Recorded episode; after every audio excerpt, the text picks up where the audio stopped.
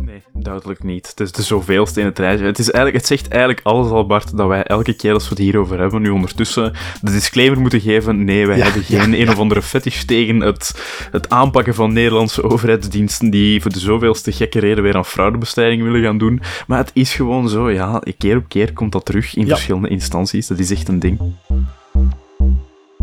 Hallo en welkom bij Das Privé, jouw wekelijkse privacy podcast. Iedere aflevering praten we hierbij over het reilen en zeilen in de wereld van privacy. Digitale spionage, boetes, datalekken, nieuwe technologie, privacy tools, oftewel alles dat er in een week gebeurt in privacyland. Ik ben Bart van Buitenen en samen met privacyprediker Tim van Haren hebben wij het privacy nieuws van deze week gecureerd en eruit gehaald wat er echt toe doet.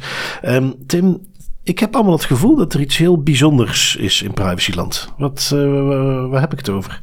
Ja, dat is, elke week gebeurt er natuurlijk zoveel bijzonders in privacyland. Maar het zou wel eens kunnen dat we aan een, ja, dat we aan een, aan een mooi hoogtepunt zijn gekomen met deze podcast. Een, eh, een jubileumpje, eh, aflevering Ja. 100. Eh, wie had dat, ja, wat is het, een goede twee jaar geleden gedacht. Maar hier Mhm. zijn we met iedere week toch ruim een uur privacy nieuws om over te praten. Ja, het is, het is echt gek. En niet alleen is het ondertussen gek geworden dat ehm, we elke week een uur kunnen vullen over het privacy nieuws en het reilen en zeilen van het privacylandschap. Maar ik vind het ondertussen ook al een hele ehm, accomplishment dat je elke week een nieuwe naam voor mij kan verzinnen. De- deze keer is het privacyprediker. Dat is toch zo fantastisch. Ja, maar ik ben dat pas eh, recent gaan doen. Hè. Eh, Ja, maar toch houdt het wel vol, hè? Ja, we zullen zien, we zullen zien. Dat blijft leuk. En ja, aflevering 100, ja, normaal gezien bij veel andere podcasts is dat dan, eh, ja, hebben ze een speciaal jingletje of doen ze een speciale gast die ze uitnodigen. Eh, niets van dat alles. Deze week mag jij gewoon het gewone programma verwachten, maar we gaan er wel aandacht aan besteden. We gaan een event doen. We zijn dat nu druk aan het plannen. Ehm, locatie is op dit moment eventjes de grootste uitdaging, maar wij gaan, en dat is dan iets wat in, in, in aanvulling op Prefcon, waar we op 4 oktober weer gepland hebben, 2023. Ehm, maar iets wat, wat, wat meer ook voor de community is, eh, s s'avonds, dat iedereen erbij kan zijn. Ehm, en daar laten we binnenkort iets over weten. We zijn er nu druk aan plannen en dus op die manier gaan we er een beetje aandacht aan besteden. Maar ja, voor de rest is het gewoon, ja, waarom zou je een winning team doorbreken? Wij gaan gewoon back to business met ons wekelijks programma. En wat hebben wij meegenomen deze week? Wel, Microsoft heeft zich toch binnengewurmd in onze datakluizen. Daar gaan we even bij stilstaan. Het eh, Nederlands leger concludeert dat hun gegevensinzamelprogramma dat ze tijdens corona zijn opgestart niet legaal is en gaan er toch gewoon mee door. TikTok heeft ineens de motivatie gevonden om toch te investeren in gegevensbescherming. En hot take tot en met is het wachtwoordboekje dan toch oké? Daar gaan we het even over hebben. Met natuurlijk nog wat datalekken, autoriteiten. Dus ook aflevering 100 gaat verder op het bekende elan van Das Privé. Ehm, Tim, ik vlieg er meteen in met eh, onze eerste die over Microsoft ging. Het datanutsbedrijf, Vlaams datanutsbedrijf moet ik zeggen, is eh, een bekende. Daar wordt heel veel aan gedaan, daar wordt heel veel aan gewerkt. Ik zie daar regelmatig iets van voorbij komen. Dat er weer een nieuw project is, weer een, een subsidie die ergens binnengehaald wordt. Ehm, ja, ik, ik ben echt heel benieuwd om dat te volgen. Ehm, full disclosure, ze hadden zelfs recent een, een eh, oproep om lid te worden van het Vlaams datanutsbedrijf adviescomité. Nou, dat kon ik natuurlijk niet laten liggen. Je kan mij voorstellen dat er heel veel mensen zijn die dat wel interessant vinden om in zo'n adviescomité te zitten. Maar het lijkt me heel interessant om, om dicht bij de ontwikkelingen te zitten en om, dat, eh, om daar ook zelfs een advies over te mogen geven. Dus wie weet. Ehm, maar dus daar beweegt van alles rond ehm, waar je heel enthousiast van wordt. En dan moet ik toegeven, dan kwam ik weer een artikeltje tegen op Tweakers. Eh, ook toevallig net nog vandaag, maar ik had een algemener artikel als eerder gezien. Maar in Tweakers konden ze iets concreter noemen wat ze dan gaan doen. Want Microsoft gaat meedoen met de datakluizen. Om precies te zijn, die gaat een stukje van de beveiliging doen. Ehm, voor de duidelijkheid dus, die gaan niet de data zelf opslaan. Laat eh, daar geen misstand over bestaan. Dat insinueer ik zeker niet. Maar eh, het bericht van Tweakers, wat zij eraan toevoegen, is dat dus Microsoft gaat instaan voor de security. Dus ja, iets rond eh, de logins, het valideren, het bijhouden daarvan. Ehm, dat ze daar een, een identity en access pakket op die kluis gaan loslaten. En ik moet toegeven dat ik ook daar eigenlijk niet zo blij mee ben. Nee, het is, is een beetje jammer, hè, want het is... ehm, ja, we profileren het een klein beetje, die datakluis, als, als een Vlaamse oplossing die dan voor de Vlaamse burgers en dergelijke wordt ingezet. En op groter niveau heb je dan tegelijkertijd de Europese Unie, die op, via bepaalde wegen toch duidelijk wilt maken dat het belangrijker is dat we meer gaan werken met bedrijven die zich volledig um, vestigen in de Europese Unie en die een beetje meer naar die normen en waarden kijken. En dan zie je weer dat eigenlijk in al die initiatieven um, die aan bod komen, niet alleen nu, maar ook in het verleden, als het gaat over EU-centric oplossingen, dat er toch altijd die tentakels van Amerikaanse techbedrijven insluipen. En dat, is, dat hoeft op zich geen probleem te zijn als het allemaal binnen de perken wordt gehouden. Maar ik vraag me wel af, kan het niet zonder? Ja, en, en, en je zit daar weer met die afhankelijkheid die je gaat creëren. Het is dus kennelijk, maar goed, ik bedoel, alle details heb ik daar ook niet uitgehaald. Men zegt gewoon Identity Access Management. Eh, Microsoft heeft iets wat ze Microsoft Entra noemen. En dat zijn dan hun, eh, hun, secure identities.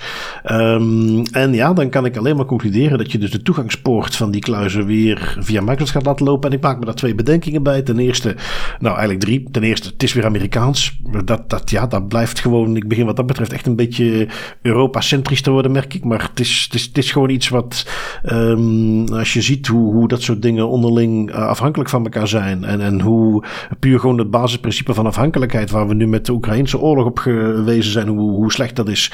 Um, het is een topicje wat ik trouwens, straks komt hij nog een keer terug als het gaat over die afhankelijkheid. Dus ja, daar hang je weer vanaf. Um, als er ergens een, een outage is bij Microsoft, uh, ja, ligt dit natuurlijk ook weer plat. Kan ik niet aan mijn data kluizen. Is dat iets wat dan beter als je het zelf doet. Dat is een tweede. Um, maar, en daar ben ik wel benieuwd naar hoe men dat bekeken heeft. En doet me eigenlijk denken dat zou nog eens interessanter kunnen zijn om eens wat uh, over na te vragen.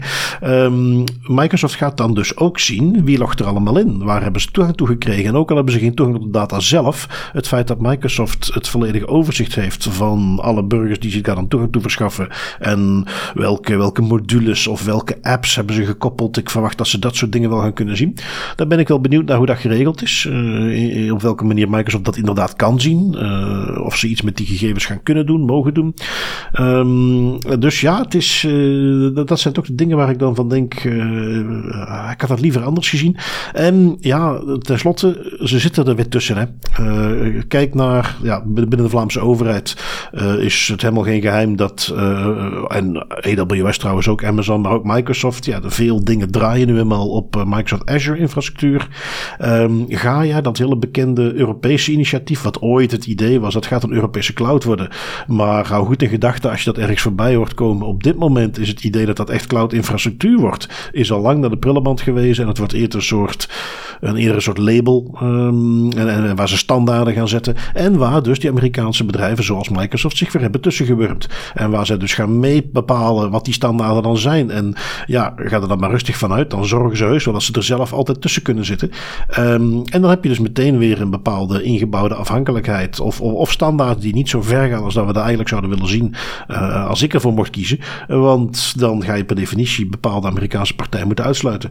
Um, dus ja, ja ik, ik, vind dat, ik vind dat jammer uh, dat dat dan zo weer loopt. Um, had dat nou niet anders gekund?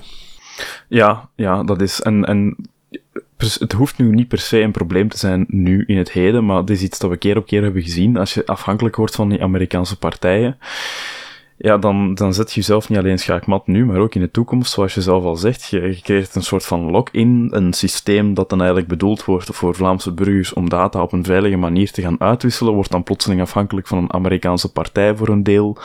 En we zijn vertrokken en binnen tien jaar gebeurt er iets met Microsoft mm. of is er een nieuw stukje surveillance-wetgeving in Amerika. En ja, dan hang je daaraan vast met je digitale datakluis. Ja, en, en, inderdaad. En, en, en dat is iets wat ik nu ook steeds meer zie. Dat het niet alleen maar over dat surveillance-stukje gaat, waar je op zich nog steeds zorgen over kunt maken. Maar dus inderdaad, je gaat allerlei. Het bedoelen van die datakluizen is heel veel integraties. En als je daar aan de voorpoort Microsoft zet, dan betekent dat al de dingen, het ecosysteem dat je eromheen bouwt, moet dan ook met Microsoft gaan integreren. En ja, inderdaad, dan dan hang je daar gewoon aan vast. Dus ja, um, Waarbij ik uh, er helemaal voor open sta om eens te horen op welke manier men dat soort risico's die wij benieuwen, benoemen, daar iets aan gedaan heeft, dat voorkomen heeft. En dat men uh, de juiste balans heeft getroffen tussen samenwerking met een grote betrouwbare partij en de eventuele risico's die ermee samenhangen, toch afgedekt hebben. Dus uh, we moeten eens kijken of we daar misschien wat achtergrond rond kunnen krijgen.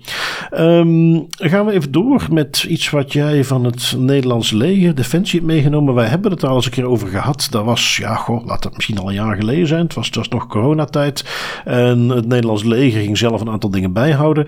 Um, daar hebben ze nu een onderzoek naar gedaan en daar is iets nieuws over te melden. Het gaat hier, als we het hebben over um, ja, Amerika en de zorgen die daar heersen, dat wil nu niet per se zeggen dat het hier in Europa allemaal roze geur en maneschijn is, helaas. Er is hier ook nog heel veel werk aan de winkel. En zo'n mooi voorbeeld daarvan dat eigenlijk uit Nederland komt, um, uit het, het, Nederland, het Nederlands leger. Dat is een, een project en dat heet het Land Information Maneuver Center. Um, de afkorting daarvan wordt uitgesproken als LIMSI. En um, het LIMSI is eigenlijk een redelijk controversieel programma al in Nederland, dat oorspronkelijk ooit in de beginnen is, is begonnen als een, um, een, een soort van verzamelingsnetwerk voor informatie te verzamelen tijdens coronatijd van Nederlandse burgers uit openbare en semi-openbare bronnen. Dus het Nederlands leger werd eigenlijk op een, of een deel van het Nederlands leger werd via dat LIMSI ingezet om informatie te gaan vergaren over Nederlandse burgers. Um, Waarom wouden ze dat doen? Ze wouden eigenlijk in kaart brengen hoe gedrag en uh, bepaalde ontwikkelingen met betrekking tot sociaal gedrag veranderden in de samenleving tijdens de coronacrisis. Er werden onder andere rapporten gemaakt en gepubliceerd binnen het LIMSI over complottheorieën, over doemdenkers, etc. Om eigenlijk een beetje ja, in, inzicht te krijgen in, in de, de ervaring en de, de sociale beleving van de samenleving. Nu, waarom creëerde dat eigenlijk ophef? Um, ja, het, het leger heeft zichzelf daarvoor eigenlijk een stukje ingeschakeld. Um, er is een onderzoeksrapport naar buiten gekomen van de onderzoekscommissie nu. Dat is ook de reden dat we het nog eens meenemen. En die concludeert een aantal uh, punten die wel interessant zijn om eens te overlopen. Um, eerste punt dat ze eigenlijk aanhalen dat voor ons belangrijk is, is ze hebben op een bepaald moment vastgesteld dat het LIMSI de oorspronkelijke opdracht die ze hadden gekregen om bepaald gedrag in kaart te brengen, um, wel opvolgde en dat het dan na een bepaald verloop van tijd begon te ontsporen en dat LIMSI eigenlijk veel meer begon te doen dan wat dat ze eigenlijk mochten doen of dat eigenlijk was opgedragen aan hen. Dus ze gaven zichzelf eigenlijk bepaalde bevoegdheden en bepaalde opdrachten. Um, waardoor dat de scope van het LIMSI-project eh, aanzienlijk verbreedde naarmate dat de tijd vorderde. En dat zorgde voor juridische en beleidsproblemen die dan achteraf um, bleken. Het tweede punt, dat is eigenlijk voor ons het belangrijkste, is ja, het onderzoekscommissie concludeert dat het LIMSI illegaal opereerde. Um, waarom? Er was geen juridische grondslag voor het verzamelen van de data van Nederlandse burgers.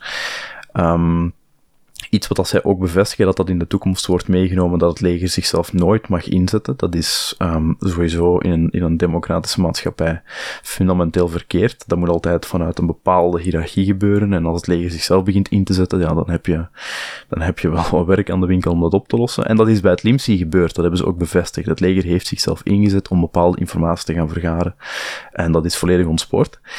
Um, nu, ja, aan de ene kant, ik heb er een dubbel gevoel bij bij die onderzoekscommissie. Want aan de ene kant zeggen ze, kijk, er zijn hier een paar fundamentele problemen. Het leger heeft illegaal gehandeld, er was geen rechtsgrond. Um, dit kan absoluut niet door de beugel, dus er zijn zeer duidelijke signalen dat het LIMSI illegaal opereerde. Langs de andere kant, ze verdedigen het LIMSI en ze verdedigen ook wel effectief wat het LIMSI doet. Ze verdedigen het verzamelen van de data van burgers, ze verdedigen het doeleinde van het LIMSI en ze gaan zelfs zo ver om te zeggen van kijk, we vinden um, de onderzoekscommissie vindt dat en het minister, de minister van Defensie bevestigt dat ook, dat het doeleinde van het LIMSI is gerechtvaardigd. Er is geen rechtsgrondslag. Dus wat gaan we doen? We gaan een rechtsgrondslag gaan zoeken. Daarbij maken ze de caveat, we willen geen derde inlichtingendienst, maar dat staat tegelijkertijd ook een klein beetje haaks bij wat het in het um, onderzoeksrapport staat, namelijk dat ze aan het spelen zijn met ideeën zoals het um, werken met de wet op inlichtingendiensten en veiligheidsdiensten, om daar ergens een rechtsgrond in te gaan zoeken, omdat die onder andere, en dat, dat is een argument dat wordt aangehaald, um, geen rekening hoeft te houden met de GDPR-wetgeving, zodat er data van burgers op andere manieren kan worden, kan worden vergaard. Dus aan de ene kant zeggen ze, we willen geen derde inlichtingdienst bouwen, we willen opletten met hoe dat we data van Nederlandse burgers gaan laten vergaren door, door het leger. Langs de andere kant gaat men dan de wetgeving die zijn opgericht voor de inlichtingdiensten en veiligheidsdiensten gaan gebruiken om daar een rechtsgrond in te gaan zoeken. Dat is een beetje vreemd. En dat brengt ons op een punt waar dan we nu ook met de podcast twee jaar later, we hebben dat al een aantal keer in verschillende instanties in de Nederlandse overheid meegenomen. Ja, het begint wel duidelijk te worden hoe dat sommige instanties in Nederland te werk gaan. Hè. Zo lang mogelijk illegaal opereren, uiteindelijk gepakt worden of uiteindelijk komt er naar boven dan netjes een mooi onderzoek laten instellen door een of andere onderzoekscommissie, waaruit dan wonder oh wonder blijkt dat de rechtsgrond ontbreekt, om dan pas te gaan zeggen, oké, vanaf nu gaan we het netjes doen, terwijl eigenlijk uw interne juridische diensten al een jaar lang um, aan de alarmbellen trekken en zeggen dat er werk aan de winkel was. Ja, het zit hem ook een beetje aan de gevolgen. Hè. Uh, nu komt er zo naar buiten dat dit al lang bekend was, dat uh, daar ook al veel langer aan de bel werd getrokken. Uh, en, en, en, ik kan me goed voorstellen dat men dat dan bij de legertop zegt, ja, zo wat. Ik bedoel, oké, okay, mm -hmm. leuk, bedankt. Um, het is een beetje commissiewashing eigenlijk. Hè. We, we, we doen iets ja. verkeerd, we laten er een commissietje op los en dan komt daar een mooi onderzoeksrapport uit. Doen we daar vervolgens niks mee, maar hey, we hebben het wel heel goed onderzocht. Um, ja, en, en uh, ja, het, is bijna. Je zou bijna zeggen dat we het erom doen, maar het is iets wat steeds terugkomt. Hè, dat uh, was het die NCTV, heette ze geloof ik, Nationaal Coördinator Terrorismebestrijding en Veiligheid, die zijn boekje te buiten ging. En dan gaat men aan de hand maar zoeken hoe kunnen we daar recht breien. Uh, nu zijn het, is het het leger. Um, ja, je zou toch zeggen dat men, en, en, en dat heeft ook met, ja, noem het de gevolgen. het is niet duidelijk genoeg waarom het dit een issue is. Het is niet duidelijk genoeg uh, wat de, de gevolgen ervan zijn. Het is iets waar we eigenlijk, als je dat terug ziet komen, als we daar een soort trend in moeten zien. Ook naar, pak maar inderdaad eventjes de mooie koppeling met, we hebben nu 100 afleveringen. Wat is een trend die we zien? Dat is dat op heel veel hoogste niveaus, iets waar we op heel veel lagen in de bevolking ondertussen door hebben, privacy, verzameling van gegevens, in onze huidige maatschappij, is dat iets wat een veel grotere impact heeft dan we willen geloven. Of dan dat veel mensen uh, hoger in de bomen willen geloven. Die awareness ontbreekt daar. De, de, het besef, net zoals dat, ik noem maar wat, de fundamentele rechten rond persvrijheid, vrijheid van religie. Um, wel op dezelfde manier is het recht op privacy is iets waar men, uh, ja, goh, heeft dat misschien te maken met leeftijd, met, met leefwereld. Dat men niet genoeg, of met gebrek aan kennis van het digitale, dat men niet genoeg mee heeft waarom dat recht op privacy toepassen in deze gedigitaliseerde maatschappij cruciaal is. Cruciaal is voor het democratisch proces, voor de vrijheid van mensen. Dat dat niet meer iets is waar je kunt zeggen, ah, maar stelletje zeurpieten, uh, we doen gewoon de corona, dat is belangrijk. Maar waar het eigenlijk op dezelfde manier dat op het moment dat je nu zou zeggen, ja, het is even crisis, we gaan eventjes, de pers die moet even de mond houden, want dat kunnen we nu niet gebruiken. Dat durft men niet meer. Dat, dat, dat leidt tot protest. En op dezelfde manier denk ik dat uh, het besef waarom dat die privacy zo belangrijk is. Dat dat niet alleen een paar privacy fetisten zijn die allerlei dingen te verbergen willen hebben, die zich daar druk om maken, maar dat dat een hoeksteen van een democratische maatschappij is. Voor zover het dat misschien 30 jaar geleden niet was, dat dat nu zeker wel het geval is. En dat we daar dus veel meer bewust van moeten zijn. Um, en dat heeft te maken met cultuur, dat heeft te maken met kennis en dat heeft zeker ook te maken met een stukje handhaving. Uh, want wat gebeurt hier nu uiteindelijk mee? Ja, wat hiermee gebeurt, dat is um, um, in een nutshell samengevat de onderzoekscommissie en de politiek die eigenlijk zeggen van kijk, het LIMSI heeft inderdaad fout gehandeld. Um, maar dan vervolgens overgaat tot het verdedigen van het LIMSI en zeggen van we moeten het wel kunnen blijven doen, dus we gaan nu zorgen dat er wetgeving komt zodat we het kunnen doen. Dus is, dat is heel raar en dat is al echt al een aantal keer naar boven gekomen in Nederland. Misschien in België ook, maar het is in Nederland komt het veel prevalenter in de pers voor. Um, ja, dat idee van we gaan tegelijkertijd berispen en een probleem maken van iets, maar dan toch zoeken naar wetgeving zodat we eigenlijk een, ons problematisch gedrag kunnen blijven verder stellen ja, zonder dat het dan juridisch voor issues zorgt. Uh, het is ergens ook natuurlijk een beetje een, een, een uh, concept wat je in de politiek vaak genoeg voorbij ziet komen. Hè? Van oh, nu is er eventjes veel aandacht voor. We moeten eventjes laten zien dat we er actie rondnemen en dan waait het wel weer over en dan kunnen we gewoon doorgaan. En dat is iets wat, wat in een overheidscontext, waar men misschien wat makkelijker mee wegkomt, maar als privébedrijf heb je daar veel groter problemen mee. En dan zie je dat op het moment dat men doorheeft, oké, okay, we moeten hier iets mee gaan doen, dit gaat niet overwaaien, dat je als privébedrijf daar wel toe verplicht wordt. En dat is mm -hmm. natuurlijk een heel subtiel bruggetje naar het volgende wat jij had meegenomen, Tim. Uh, TikTok, die in de VS toch ineens heel inschikkelijk is om bepaalde dingen uh, toegankelijk te maken, omdat ze bang zijn dat er anders een verbod komt. Uh, op wat voor manier willen ze dat invullen? Ja, het is, het is zo, hè, voor de, de luisteraars die nog niet helemaal op de hoogte zijn, voordat er momenteel in Amerika speelt. Er, is, het is, er speelt heel wat rond TikTok. Um, TikTok is een tijdje geleden al verboden op een heleboel overheidstelefoons van verschillende departementen en lagen van de Amerikaanse overheid. Er ligt nu ook um, in Amerika een wetsvoorstel op tafel om de app gewoon integraal te gaan verbieden. Anderzijds, op andere plaatsen ter wereld, bijvoorbeeld in India, heeft de overheid al een verbod op TikTok dat enkele jaren geleden van kracht ging. Um, in Europa zijn er discussies over TikTok en of dat al dan niet wel um, ja, een plaats heeft in deze samenleving. Kortom, er zijn toch heel wat zorgen over die app. En ja, TikTok die merkt dat natuurlijk ook. En die komt nu toch wel met een, met een serieus voorstel aan de Amerikaanse overheid om de zorgen rond de app toch in Amerika weg te nemen. Um, een aantal punten die ze in hun voorstel aanhalen zijn namelijk dat de algoritmes die TikTok maakt om video's te pushen naar een bepaald publiek, um, dat die door onafhankelijk wat dat zij noemen monitors zou, uh, zouden kunnen worden gecheckt. En die monitors, dat zijn dan personen, individuen, die worden aangesteld door de Amerikaanse overheid en die worden betaald door TikTok. Dus dat is een eerste toegeving die ze doen, van kijk, we willen jullie een inzicht geven in onze algoritmes en hoe dat alles werkt, zodat jullie ook op tijd aan de alarmbel kunnen trekken. We willen wat transparanter te werk gaan. Um, een tweede zorg die de Amerikaanse overheid heeft, is ja, um, de beloftes die TikTok in het verleden heeft gemaakt, waarin dat ze zeggen dat gebruikersdata van Amerikaanse burgers um, alleen in, VS, in de VS beschikbaar is en alleen wordt ingezien door werknemers in de VS. Ja, die belofte die hebben ze al niet kunnen waarmaken. Er zijn documenten gelekt waaruit blijkt dat Chinese medewerkers toegang hadden tot Amerikaanse data.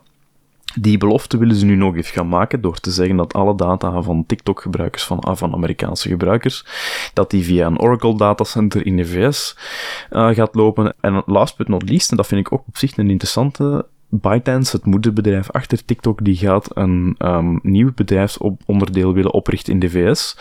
En dat gaat heten TikTok US Data Security. En dan moeten ongeveer 2500 mensen aangesteld worden.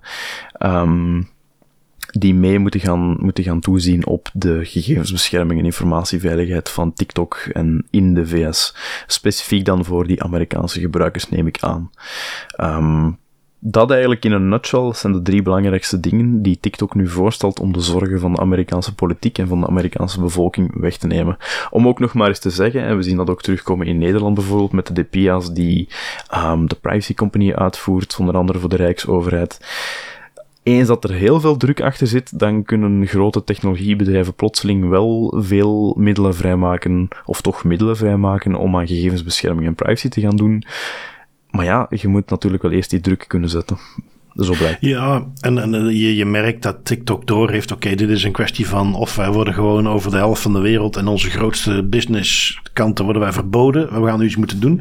Um, je ziet dat ook. Uh, wat ik, ik, ik trouwens, als je het dan leest uh, over die, die monitors die ze gaan aanstellen, hè, dat die algoritmes geaudit kunnen worden en, en, en TikTok betaalt dat dan.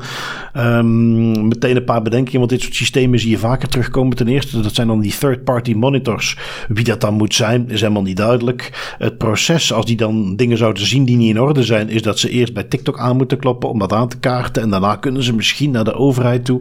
Um, net zoals, en dat, dat is een, een principe wat je ook in de, pak de financiële wereld uh, als uh, accountant, bedrijfsrevisor, registeraccountant, um, die de jaarrekening moeten afkloppen, daar zit altijd het perverse incentive dat degene die de jaarrekening moeten controleren ook betaald worden door het bedrijf wiens jaarrekening ze controleren.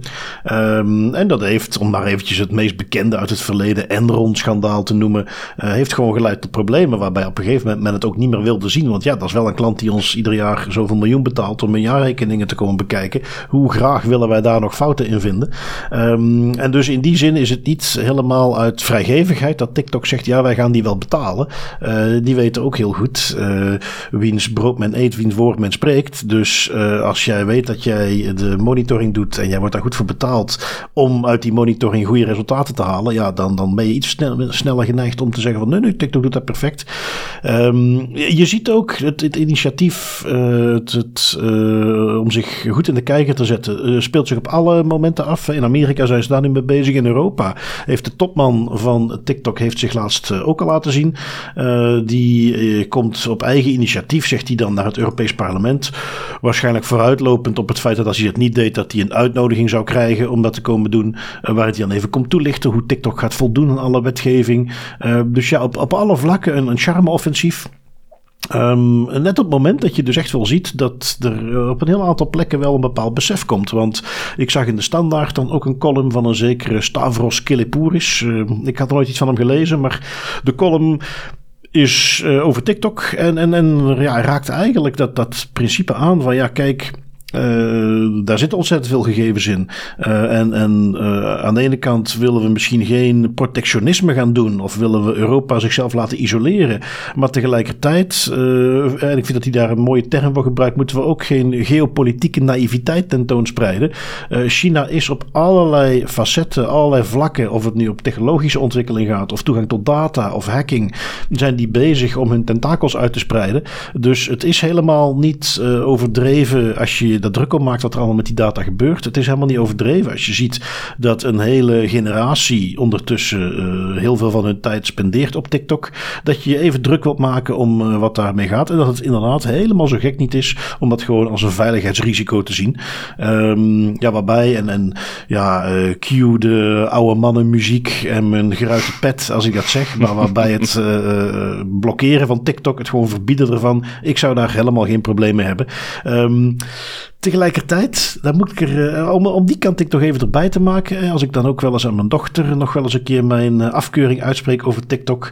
Eh, dat hij toch ook tegenwerpt. Ja, maar er zijn ook heel veel goede dingen die erop zitten. ik zag toevallig een podcast die ik luister van de Standaard. Die hebben dan zo'n cultuuraflevering die ze er af en toe tussendoor doen. Radar heet dat geloof ik. En dat ging dan over BookTok. Wat dan kennelijk een, een, een subonderdeel is van TikTok. Waar het vooral gaat over boeken. En hoe dat dat heel erg stimuleert om boeken te gaan lezen. En ja, dat daar toch uiteindelijk gewoon alleen maar een, positief uh, kantje aan zit. Uh, los van wat er eventueel gebeurt met de data die er verzameld wordt. Dus ja, um, laten we zeggen, als hier nu uiteindelijk uitkomt dat er keiharde garanties zijn. Dat uh, men toch een bepaalde manier echt uh, kan zien dat TikTok het op de goede manier wil doen. Wie weet dat er iets mogelijk is. Ik blijf natuurlijk, want ja, zo moeten we natuurlijk wel een beetje zijn, uh, mijn sceptische pet ophouden.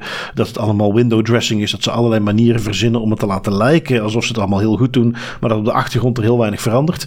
Um, maar ik vind dat we altijd ook naar onszelf toe verplicht moeten zijn om open te staan voor de mogelijkheid en te blijven bekijken van ja, maar er zitten ook allerlei goede dingen aan.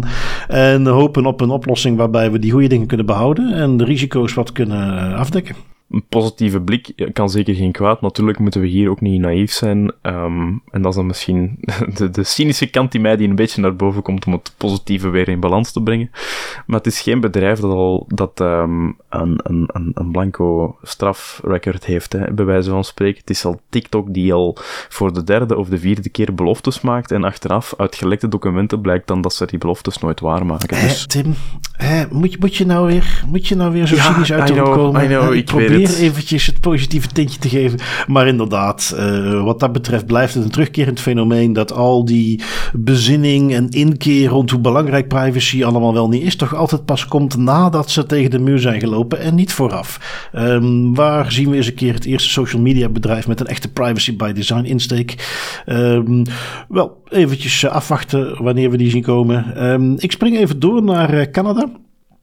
Um, iets wat, en ik ben daar niet zo lang geleden, werd ik daar geloof ik gecontacteerd. Volgens mij was dat van een programma, De Tafel van Vijf. Um, en die, die wouden een, een, aflevering opnemen die ging over uh, monitoring op het werk. Uh, of een aflevering, een, een item opnemen in, die, in dat programma dan. Dat zou gaan over monitoring op het werk. En die, die, die vroegen dan van ja, hè, dat is iets waar we voorbij zien komen. ja, dat zou toch ook veel gebeuren in Europa. Wat vind je daarvan? Um, en, en ja, aan de ene kant klinkt natuurlijk van, oh, tafel van vijf. Dat, dat schijnt best een bekend programma te zijn. Leuk, hè? daar wil ik best iets uh, zeggen. Maar ik kon niet anders dan zeggen, ja, volgens mij in Europa gebeurt daar niet zoveel rond. Um, dat is niet zo'n big deal. Dat is ook iets waar hier best bekend is dat dat, uh, zoals je dat vaak voorbij ziet komen, illegaal zou zijn. Um, wel, het is iets wat uh, de keerzijde daarvan ook nu, dus in Canada bijvoorbeeld, hè, meer Noord-Amerika, waar dat soort monitoring software wel degelijk vaak voorkomt. Um, daar zie je de keerzijde ervan. Uh, want wat heb ik meegenomen als itempje, ook om daar eens, een kleine reflectie over te kunnen maken. Er was een vrouw ontslagen van een boekhoudersbedrijf uh, in de Canadese provincie British Columbia. En die besloot om een schadevergoeding te gaan eisen om, vanwege het feit dat ze ontslagen was. Die wilde 3.500 euro krijgen. Um, in die rechtszaak heeft het bedrijf eh, een soort accountskantoor, Reach genaamd, die uh, kwam met data op de proppen. Die maken namelijk gebruik van software die Timecamp heet. Um, Tenminste, we hebben daar even zelf een kort onderzoekje naar gedaan. In het artikel van de Standaard waar ik het op baseer had men het over Timecamp On. Maar daar konden we nergens terugvinden. En de Timecamp wel. En als ik even de features bekeek. Dus volgens mij gaat het om het bedrijfje Timecamp. Um, ja, die bieden... Ja, oorspronkelijk is dat begonnen met de klassieke time tracking software. Dus met andere woorden, je werkt voor een klant. Je boekt een uurtje. En dan komt daar een mooi factuurtje uit. Uh, software die ik zelf ook voor mijn eigen werk gebruik. Maar die zijn wat gaan doorontwikkelen. En die zijn daar ook echt meer monitoring tools aan gaan koppelen. Natuurlijk begon dat met het idee van ja, iedereen haat timesheets. Dus als je het nu gewoon geautomatiseerd laat monitoren wat mensen doen, ja, dan kun je automatisch die timesheets ook in laten vullen. Um, maar ja, je weet natuurlijk meteen wat de keerzijde is. Om die monitoring te doen, moeten ze dus bijhouden op welke domeinen is iemand geweest, welke documenten heeft hij open gedaan, hoe vaak heeft hij printopdrachten gegeven. Uh, dus echt allemaal dat soort dingen wordt dan vervolgens bijgehouden.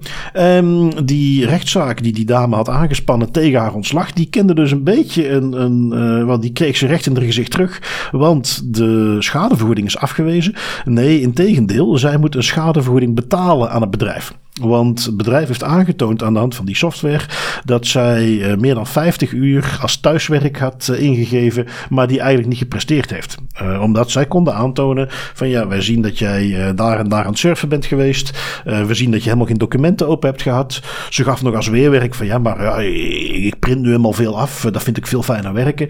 En toen zei het bedrijf als reactie van ja, god, dat is nou toevallig. Want printopdrachten is ook iets waar wij kunnen bijhouden. En wij kunnen zien dat jij eigenlijk helemaal die documenten die je zegt dat je hebt naar bekeken, die heb je helemaal niet geprint. Dus nee, kan allemaal niet. En de rechter heeft uh, dus omgedraaid en gezegd, uh, jij moet een schadevoeding betalen.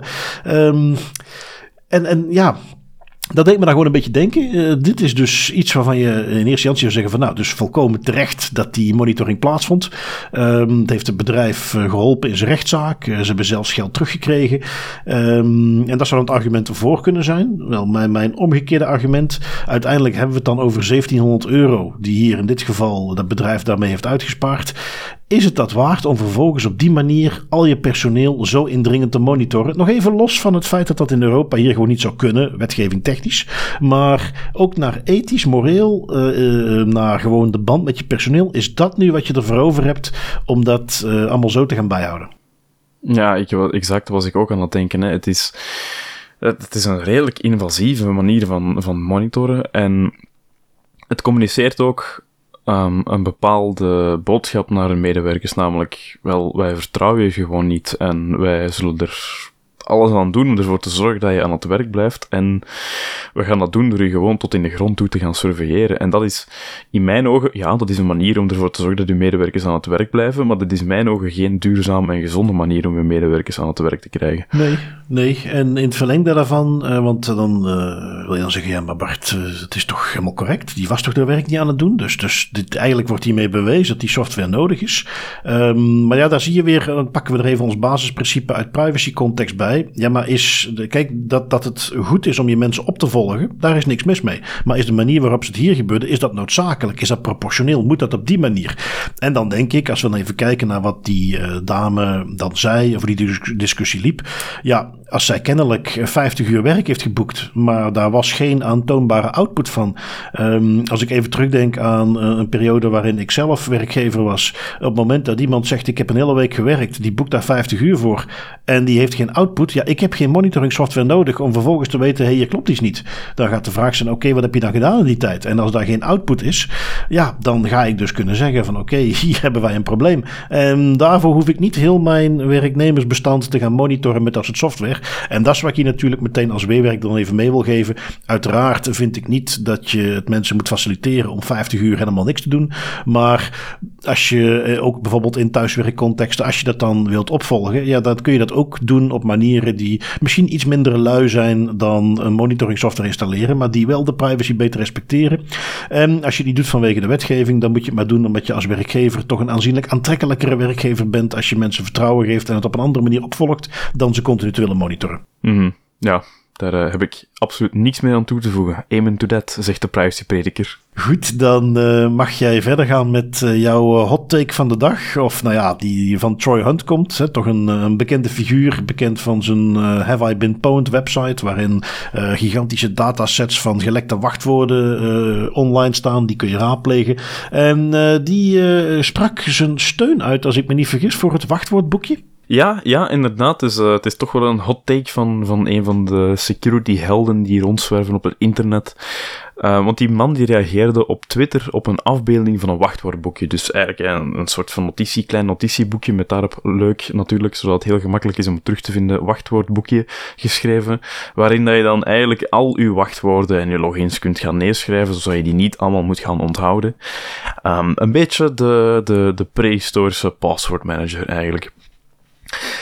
En de, die Troy Hunt, ja, die stelt op Twitter van, kijk, um, hij vindt dat er eigenlijk niks mis mee is, hè, in vergelijking met wat bijna de meeste mensen doen, namelijk het hergebruiken van dezelfde twee of drie wachtwoorden op honderden verschillende sites, en dan maar afwachten tot als een van die honderden verschillende sites een wachtwoord lekt, waardoor dat al de andere logins op, uw honderd, op al die andere sites plotseling ook gecompromitteerd zijn. Dat vindt Troy Hunt dan toch ook niet zo verstandig. Dus hij zegt, ja, als je dat dan kunt oplossen door een uniek wachtwoord te gaan neerschrijven in uw is dat al tenminste positiever dan het niet te doen. Um, hij heeft er wel de caveat bij van om zichzelf misschien ook een beetje in te dekken van ja, kijk, een wachtwoordboekje is goed, een digitale wachtwoordmanager is nog altijd beter en wordt ook aangewezen. Um, en ik vond dat een interessante um, hot take en ik wou jouw mening er eigenlijk ook eens over horen, Bart. Als we nu zeggen het klassieke wachtwoordboekje, geen slot of iets dergelijks op erop, maar gewoon een notitieboekje waarin dat je je wachtwoorden opschrijft. Wat denk jij daarvan? Wel, ik, ik zal niet leem doen en met een, ja, dat hangt er vanaf, Tim, uh, dingen komen. en, en gewoon even de nuancering direct doen. Uh, bottom line, ik ben voor. Um, nuancering. Um, ik herinner me ook een, een opdracht die ik uh, ondertussen al heel tijd geleden deed. Um, waar ik een security audit ging doen uh, bij een organisatie. En we liepen daar rond in het kantoor. En ik trek ergens een laadje open, uiteraard met uh, toestemming. en daar ligt een boekje. En in dat boekje zitten alle creditcards. En per creditcard zit er een stickertje bij met de pincode die bij die creditcard hoort. daar zaten wachtwoorden in van accounts. kijk, als je het op die manier implementeert ja, dan heb ik er wel een probleem mee. Dat was achter een laadje waar iedereen aan kon. Het was iets wat ook de veel mensen wel wisten waar dat zat. Um, dan is dat geen goed idee. Maar uh, pak, uh, ik doe maar even wat. Mijn opa, die stuurt mij ook nog wel eens een mailtje. Uh, als hij weer eens jarig is. relatief kleine dingen. Maar we zien ook een verschuiving naar steeds meer dingen van Belastingdienst moet online. En dat jij als iemand die um, misschien de professionele context aan één kant, maar thuis bij je computertje gewoon in jouw huis, waar je allerlei andere dingen ook vertrouwt dat die veilig zijn, dat je daar een boekje hebt waar al die dingen in staan. Um, vergelijk dat met het alternatief, want dat is gewoon een feit. Hè. We moeten eventjes, en dat is misschien wat in die discussie vaak vergeten wordt, we moeten eventjes ons eigen beeld van hoe we daarmee omgaan, moeten we loslaten. Wij hebben een bepaalde ervaring met digitale technologie, we hebben een bepaalde gewenning, en even verplaatsen in een groep van mensen voor wie dat niet zo is, die misschien niet heel erg achter de computer zitten, die misschien een bepaalde leeftijd hebben waarin dat niet gewoon was. Um, dan uh, weet je dat het alternatief voor zo'n wachtwoordboekje is. Die gaan overal hetzelfde wachtwoord hebben. Dan weet je dat uh, de klassieke voorbeelden. En dat zijn ook de doelgroepen die in WhatsApp fraudetuin. Dat zijn ook de doelgroepen die slachtoffer worden van dat soort dingen. Uh, dan weet je dat dat een veel groter risico is dan dat die zo'n boekje hebben. En dus in die context zou ik absoluut zeggen: ja, wachtwoordboekje geen enkel probleem. in onze context, als ik gewoon ook even naar mezelf kijk, ja, dat zou voor mij niet werken. Ehm, ik zit vaak genoeg ergens waar ik mijn telefoon bij de hand heb. Maar voor de rest niks. Dat boekje, ik zou daar ook niet altijd bij me hebben. En ik heb veel te veel plekken waar ik moet inloggen, wachtwoorden die ik moet onthouden. En omdat ik graag voor alles een apart wachtwoord wil hebben, moet ik dat veel makkelijker bij de hand hebben. Um, ook puur naar kwantiteit toe. Ik heb dan nog opgedeeld per um, uh, soort, of het voor mij privé is of voor uh, werk of nog zelfs specifiek voor dat is privé alles. En voor al die drie onderdelen heb ik uh, tientallen accounts voor van alles en nog wat en iedere keer een ander wachtwoord. Dus voor mij zou dat niet werken om dat in een boekje te stoppen. Um, maar dus, long story short, ik vind dat dat wat je vaak online ziet, ook op social media, dat er dan een beetje compleet belachelijk wordt gemaakt, zo'n wachtwoordboekje, vind ik niet terecht. En, en voor een bepaalde doelgroep aan mensen denk ik dat zo'n wachtwoordboekje boekje dat daar niks mis mee is. Ja, ik ga in, dan wel een klein beetje lame zijn en ik ga daar helaas akkoord mee moeten gaan. Dus we gaan geen vurige discussie hebben over paswoordboekjes. Maar wel even, ik wil dit moment even aangrijpen om iets anders um, in, op de brandstapel te zetten. Namelijk um, mensen die nog altijd denken dat het een efficiënte maatregel is. Want ook kwam ook in die discussie aan bod om uh, een of andere policy te gaan toepassen waarin dat je je wachtwoord om de twee maanden moet gaan aanpassen in een bedrijf. Dat is een voorbeeld van een maatregel die een averechts effect heeft en die net hetgeen creëert wat je dus eigenlijk niet wilt doen. Dat zijn mensen die gewoon exact hetzelfde wachtwoord gaan gebruiken met kleine aanpassingen, een cijfertje meer of een cijfertje minder. En eigenlijk wordt er daar niks mee opgelost. Je gaat alleen je gebruikers uh, lastigvallen. Ja, ja uh, dat viel mij ook op dat ik die toch nog wel eens tegenkom. Terwijl ondertussen toch al, uh, ik zou zeggen al een paar jaar, toch al lang bekend is van oké, laten we dat gewoon niet meer doen. Laten we liever hebben dat mensen ja. een goed wachtwoord hebben en dan mogen ze dat tot in de oneindigheid gebruiken. Ben ik het helemaal mee eens. Um, even zien, wat heb ik nog meegenomen? Um, Tim, jij bent een overheidsentiteit in Nederland. Ik oh God. ik ze niet uitpik. Maar jij bent een overheidsentiteit in Nederland. Jij hebt een beetje de privacy nieuws van de laatste jaren gevolgd. Wat is iets waar jij eens even twee keer over zou nadenken voor je dat wilt gaan toepassen? Misschien als we weer eens afkomen met een of andere um, fantastische fraudescan. Ja, uh, fraude inderdaad, fraudeopsporing. Um, en en ik, echt waar, ik, ik, ik zoek ze niet bewust op. ik ga daar niet uh, zoeken op het internet of ik weer iets kan vinden over een Nederlandse overheidsentiteit. Ze komen gewoon aanwaaien. Nu is het weer het UWV. Uh, UWV bekend van vele andere privacy issues. Maar uiteraard ook de uitkeringsinstantie. Als jij werkloos bent of arbeidsongeschikt in Nederland, dan is dat de plek waar alle papierwinkel heen moet. En die gaan bepalen wat jouw uitkering is. Um, ja, dan ga je natuurlijk ook krijgen dat men zich daar heel druk maakt om fraude rond die uitkeringen. Um, de UWV heeft zijn informatieplan gepubliceerd. Uh, zie je het een beetje als een strategisch plan voor de komende jaren. 2023, 2027. En uh, wat dachten ze, weet je wat, we gaan daar nog eens extra inzetten op de risicoscans. En dat is nu de nieuwe naam. Het, het zijn geen algoritmes meer. Het zijn nu risicoscans of risicoprofielen.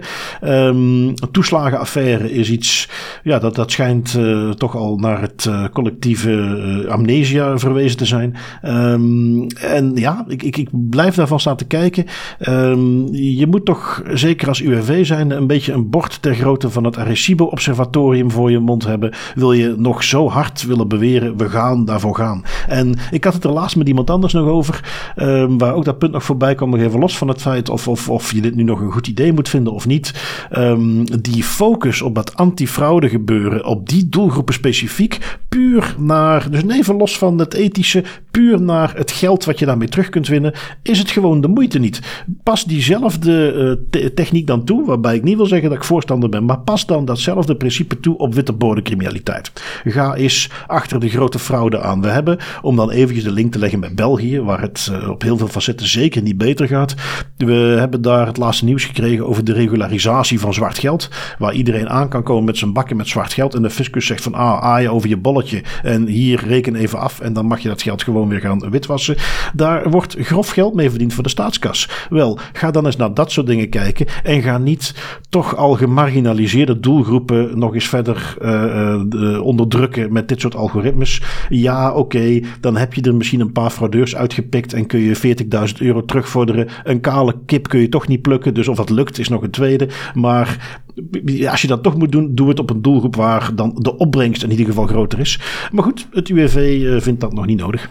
Nee, duidelijk niet. Het is de zoveelste in het rijtje. Het, is eigenlijk, het zegt eigenlijk alles al, Bart, dat wij elke keer als we het hierover hebben, nu ondertussen de disclaimer moeten geven. Nee, wij hebben geen een of andere fetish tegen het, het aanpakken van Nederlandse overheidsdiensten die voor de zoveelste gekke reden weer aan fraudebestrijding willen gaan doen. Maar het is gewoon zo, ja, keer op keer komt dat terug in verschillende instanties. Dat is echt een ding. Ja, en ik kreeg ook trouwens, uh, want je weet dat wij dan iedere keer ook, en daar gaan we nu niet weer op hameren, maar dat wij toch iedere keer ook eens zeggen van ja, wat is dat toch in Nederland? Ik kreeg een reactie van een luisteraar um, in Nederland.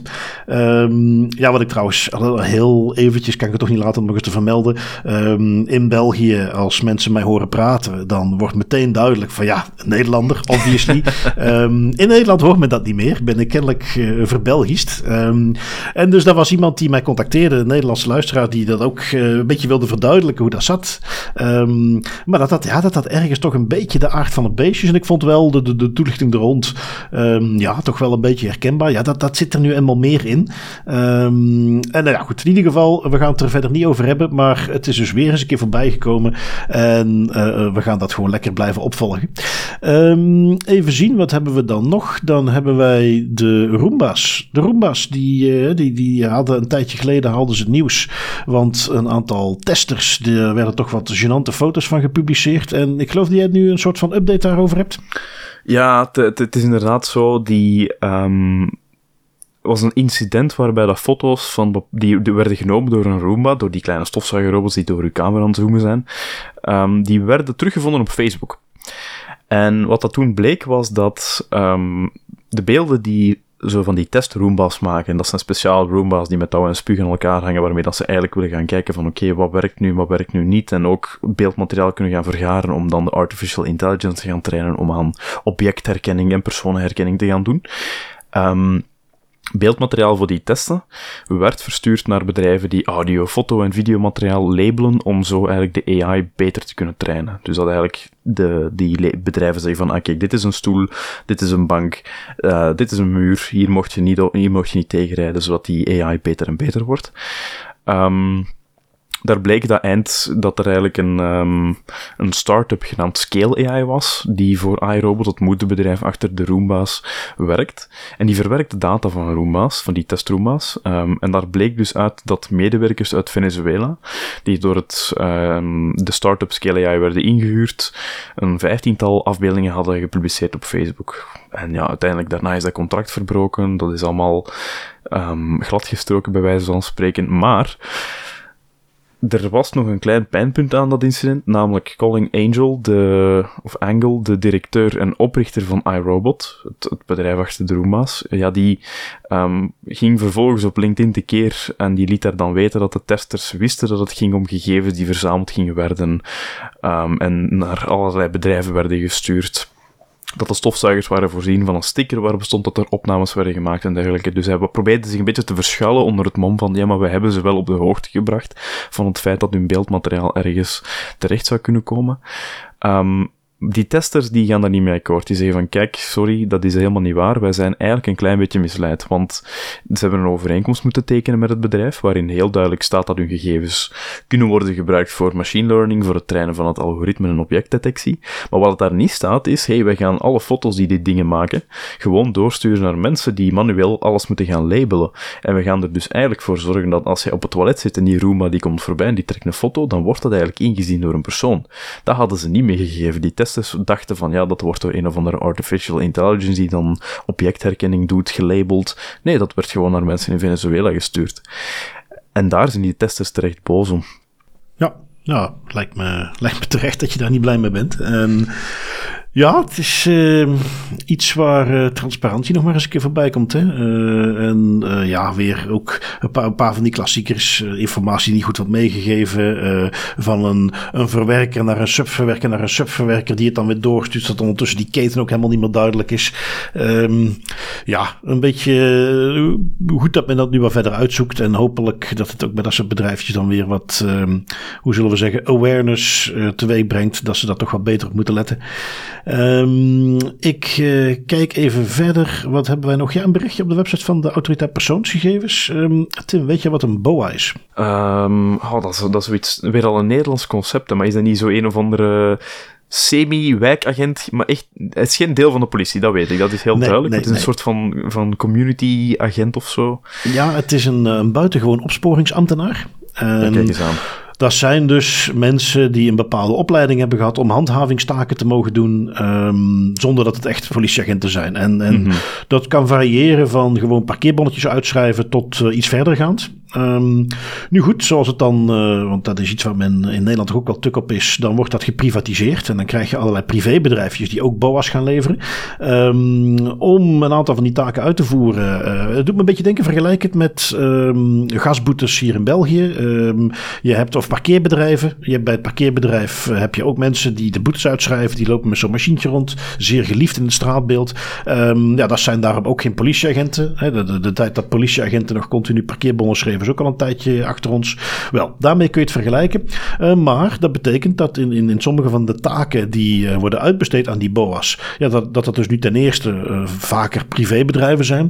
ik denk even, ik heb er zelf ook even naar gezocht en dan vind je een bedrijfje zoals buitengewoon BOA, die dan zelf die mensen opleidt en die dan gaat detacheren bij die gemeentes. Dus dat is dan weer inhuur. Um, ja, die hebben vaak ook toegang tot bepaalde databanken.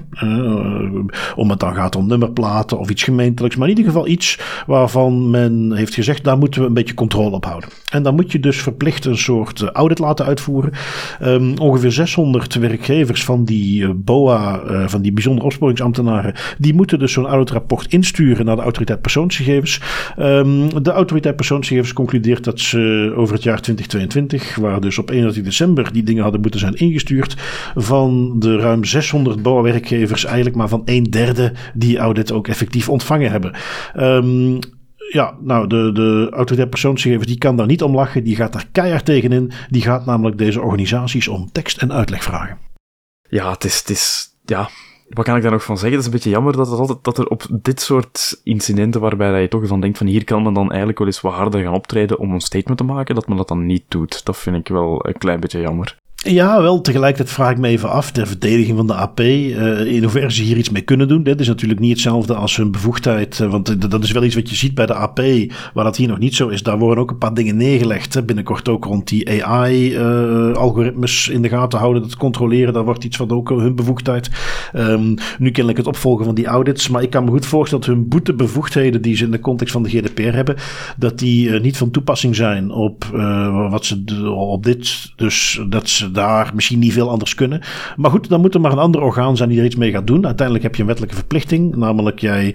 En dat is weer hier hetzelfde. Hè? Dat is. En, en, en doe me een beetje terugdenken aan wat we daar straks over hadden. Je hebt dan een, een principe waarbij je van tevoren bedenkt: oké, hier zitten risico's aan. Wij gaan allerlei mensen die normaal gezien oorspronkelijk een politietaak, we gaan daar uitbesteden aan mensen die niet de politieacademie hebben doorlopen, die niet een bepaalde wettelijke eet hebben afgelegd en die dus eigenlijk wat dat betreft, ja, toch net uh, van een ander niveau zijn als het gaat om dat soort dingen. Uh, maar goed, we gaan daar bepaalde controlemechanismes op voorzien. En dus dan zie je dat men de risico's, bijvoorbeeld rond privacy, rond security, noem maar op, dat men dus ergens ziet van ja, daar zit risico's aan, maar we gaan het toch doen, maar we gaan een mechanisme invoeren.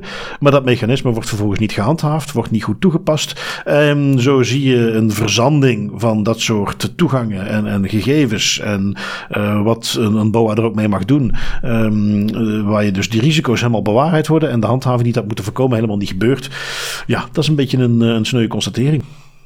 Ja, en, en noemen misschien weer cynisch, hè, maar um, ja, als je dan uiteindelijk geen controlemechanismes gaat handhaven en je gaat dat niet toepassen, en dan mag je er ook van uitgaan dat, die, dat de, de um, beveiligingsmaatregelen, de beleidslijnen en alles dat er eigenlijk voor moet zorgen dat er geen misbruik wordt gemaakt van bepaalde toegangen of dat er geen misbruik wordt gemaakt van bepaalde bevoegdheden, mag je ervan uitgaan dat dat wel zo gaat zijn. Want we hebben dat al veel te vaak gezien, dat als je die controles niet toepast, dan gaan mensen buiten de lijntjes lopen tot je ze terug binnen de lijntjes trekt. Ja, ja, Nee, inderdaad, inderdaad. Um, dus ja, goed. Uh, hopelijk dat dat misschien toch tot wat strengere actie leidt. Want even wat dat betreft alle cynisme op een stokje. Je hebt het dus wel over 600 organisaties die dan weer een heel aantal werknemers hebben die toegang krijgen tot bepaalde gegevens. Die verantwoording moeten afleggen over hoe die toegang is gelopen en die het niet hebben gedaan. Dus daar mag best iets mee gebeuren. Um, dan heb ik misschien nog kort die nog even meenemen. Een uh, artikeltje van security.nl. Um, ehm, in uh, Nederland weer is mijn kamer Kamervragen gaan stellen. Want er circuleerden wat cijfers dat uh, driekwart van de uh, onderwijsgegevens over studenten, uh, leraren, maar dus in het onderwijs uh, toekoer, dat driekwart van die gegevens ondertussen op Amerikaanse clouds staan. Um, ja, dat was dan de, de Kamervraag was van ja, kunt u dat bevestigen? en dan blijkt natuurlijk dat daar helemaal, eigenlijk helemaal geen beeld van is. Dus dat men dat niet kon bevestigen. Um, dat men daar toch eigenlijk wel een beetje een risico ziet. Ja, ja, daar moeten we dan misschien toch eens naar gaan kijken. Um, als men dan even vraagt van ja, wat heb je daar zoal aan gedaan? Van ja, nou goed, in, in 2021 heeft het, eh, de minister van eh, OCW, eh, de bevoegde minister, heeft de Europese Commissie verzocht om de ontwikkeling van openbare, open source alternatieven voor grote particuliere digitale platforms te ondersteunen. En ja, dat heeft niet geleid tot concrete vervolgacties op het onderwijsgebied in Europa. En ja, we zullen dat nog eens navragen, is dan uiteindelijk het, het antwoord. Um, positief bekijken, zullen we het zien als de eerste stap in een beetje awareness, ook op het politieke niveau, dat dit misschien geen uitgangspunt is. Drie kwart van de gegevens in het onderwijs, allemaal bij Amerikaanse clouds, waarbij ik in het verlengde daarvan even mee wil geven dat langzaamaan hetzelfde geldt voor justitie, voor allerlei overheidsinstellingen, uh, voor onderzoeksinstellingen. Um, en ja, dat daar dus inderdaad toch best wel een serieus risico aan kleeft.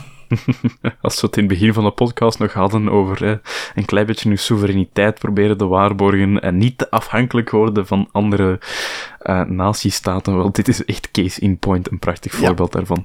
Ja, ja, inderdaad. Ik al zei, er komt er nog eentje voorbij. Wel, dat was deze.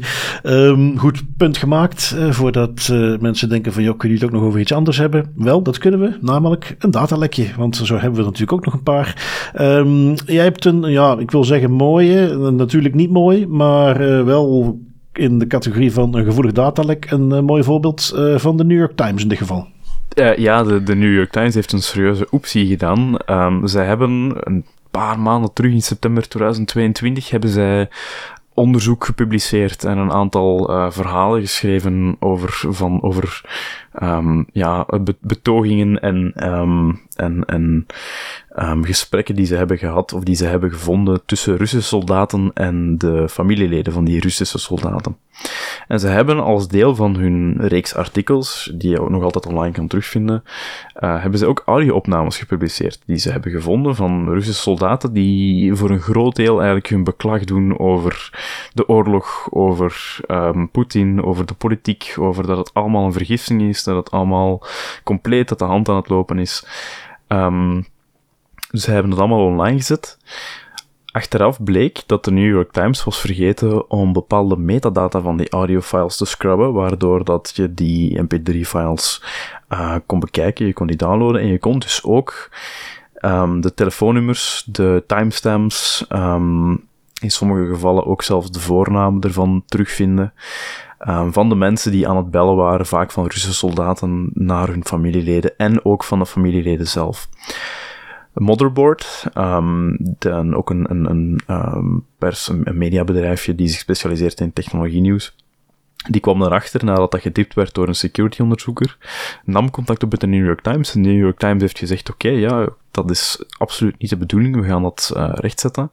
Is ook rechtgezet. Um, Motherboard is daarna nog eens gaan kijken naar de website van New York Times, naar de artikels, en wat bleek, ze hadden inderdaad de metadata gescrubbed uit de audiofiles. Wat dat de New York Times was vergeten, en dat, dat is echt waanzinnig, ik snap niet zo goed hoe dat ze dat hebben gedaan, Um, maar als je in de broncode van de website ging kijken, dus gewoon in de HTML-code, wat dat iedereen met een browser kan doen, dan zag je daar nog altijd de telefoonnummers, de namen, de timestamps instaan van de Russische soldaten en hun familieleden. Tevens ook um, randinformatie en comments van factcheckers van New York Times die daar hun bedenkingen bij hadden gezegd of hadden gezegd van ja, we denken dat dit um, een zoon is die belt naar zijn moeder of naar zijn vader. Dus er stond eigenlijk nog heel veel gevoelige informatie in, gewoon open en bloot in de HTML-broncode die zo inzichtelijk was.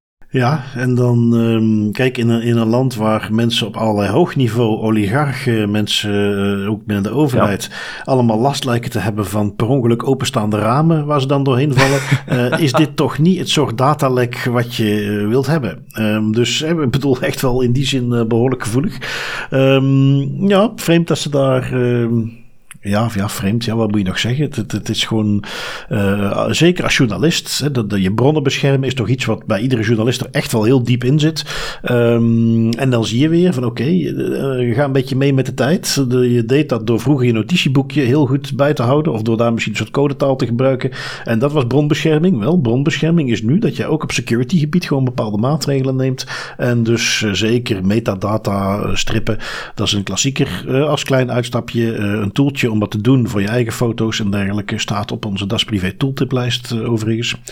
Um, ik heb er nog eentje mee, meer een update misschien, uh, omdat er voor de rest weinig over te zeggen valt. Maar we hadden al recent um, die publicatie van bankrekeninggegevens van België op een forum. Uh, wel, dat kwam toen uit zo'n Turks-Kosovaars callcenter, dat was ook bevestigd. nu is er een soortgelijk incident waar weer van een paar honderdduizend Belgen uit Vlaanderen en Brussel gegevens te koop zijn. 60.000 daarvan zit er ook uh, een IBAN-nummer bij, een bankrekeningnummer.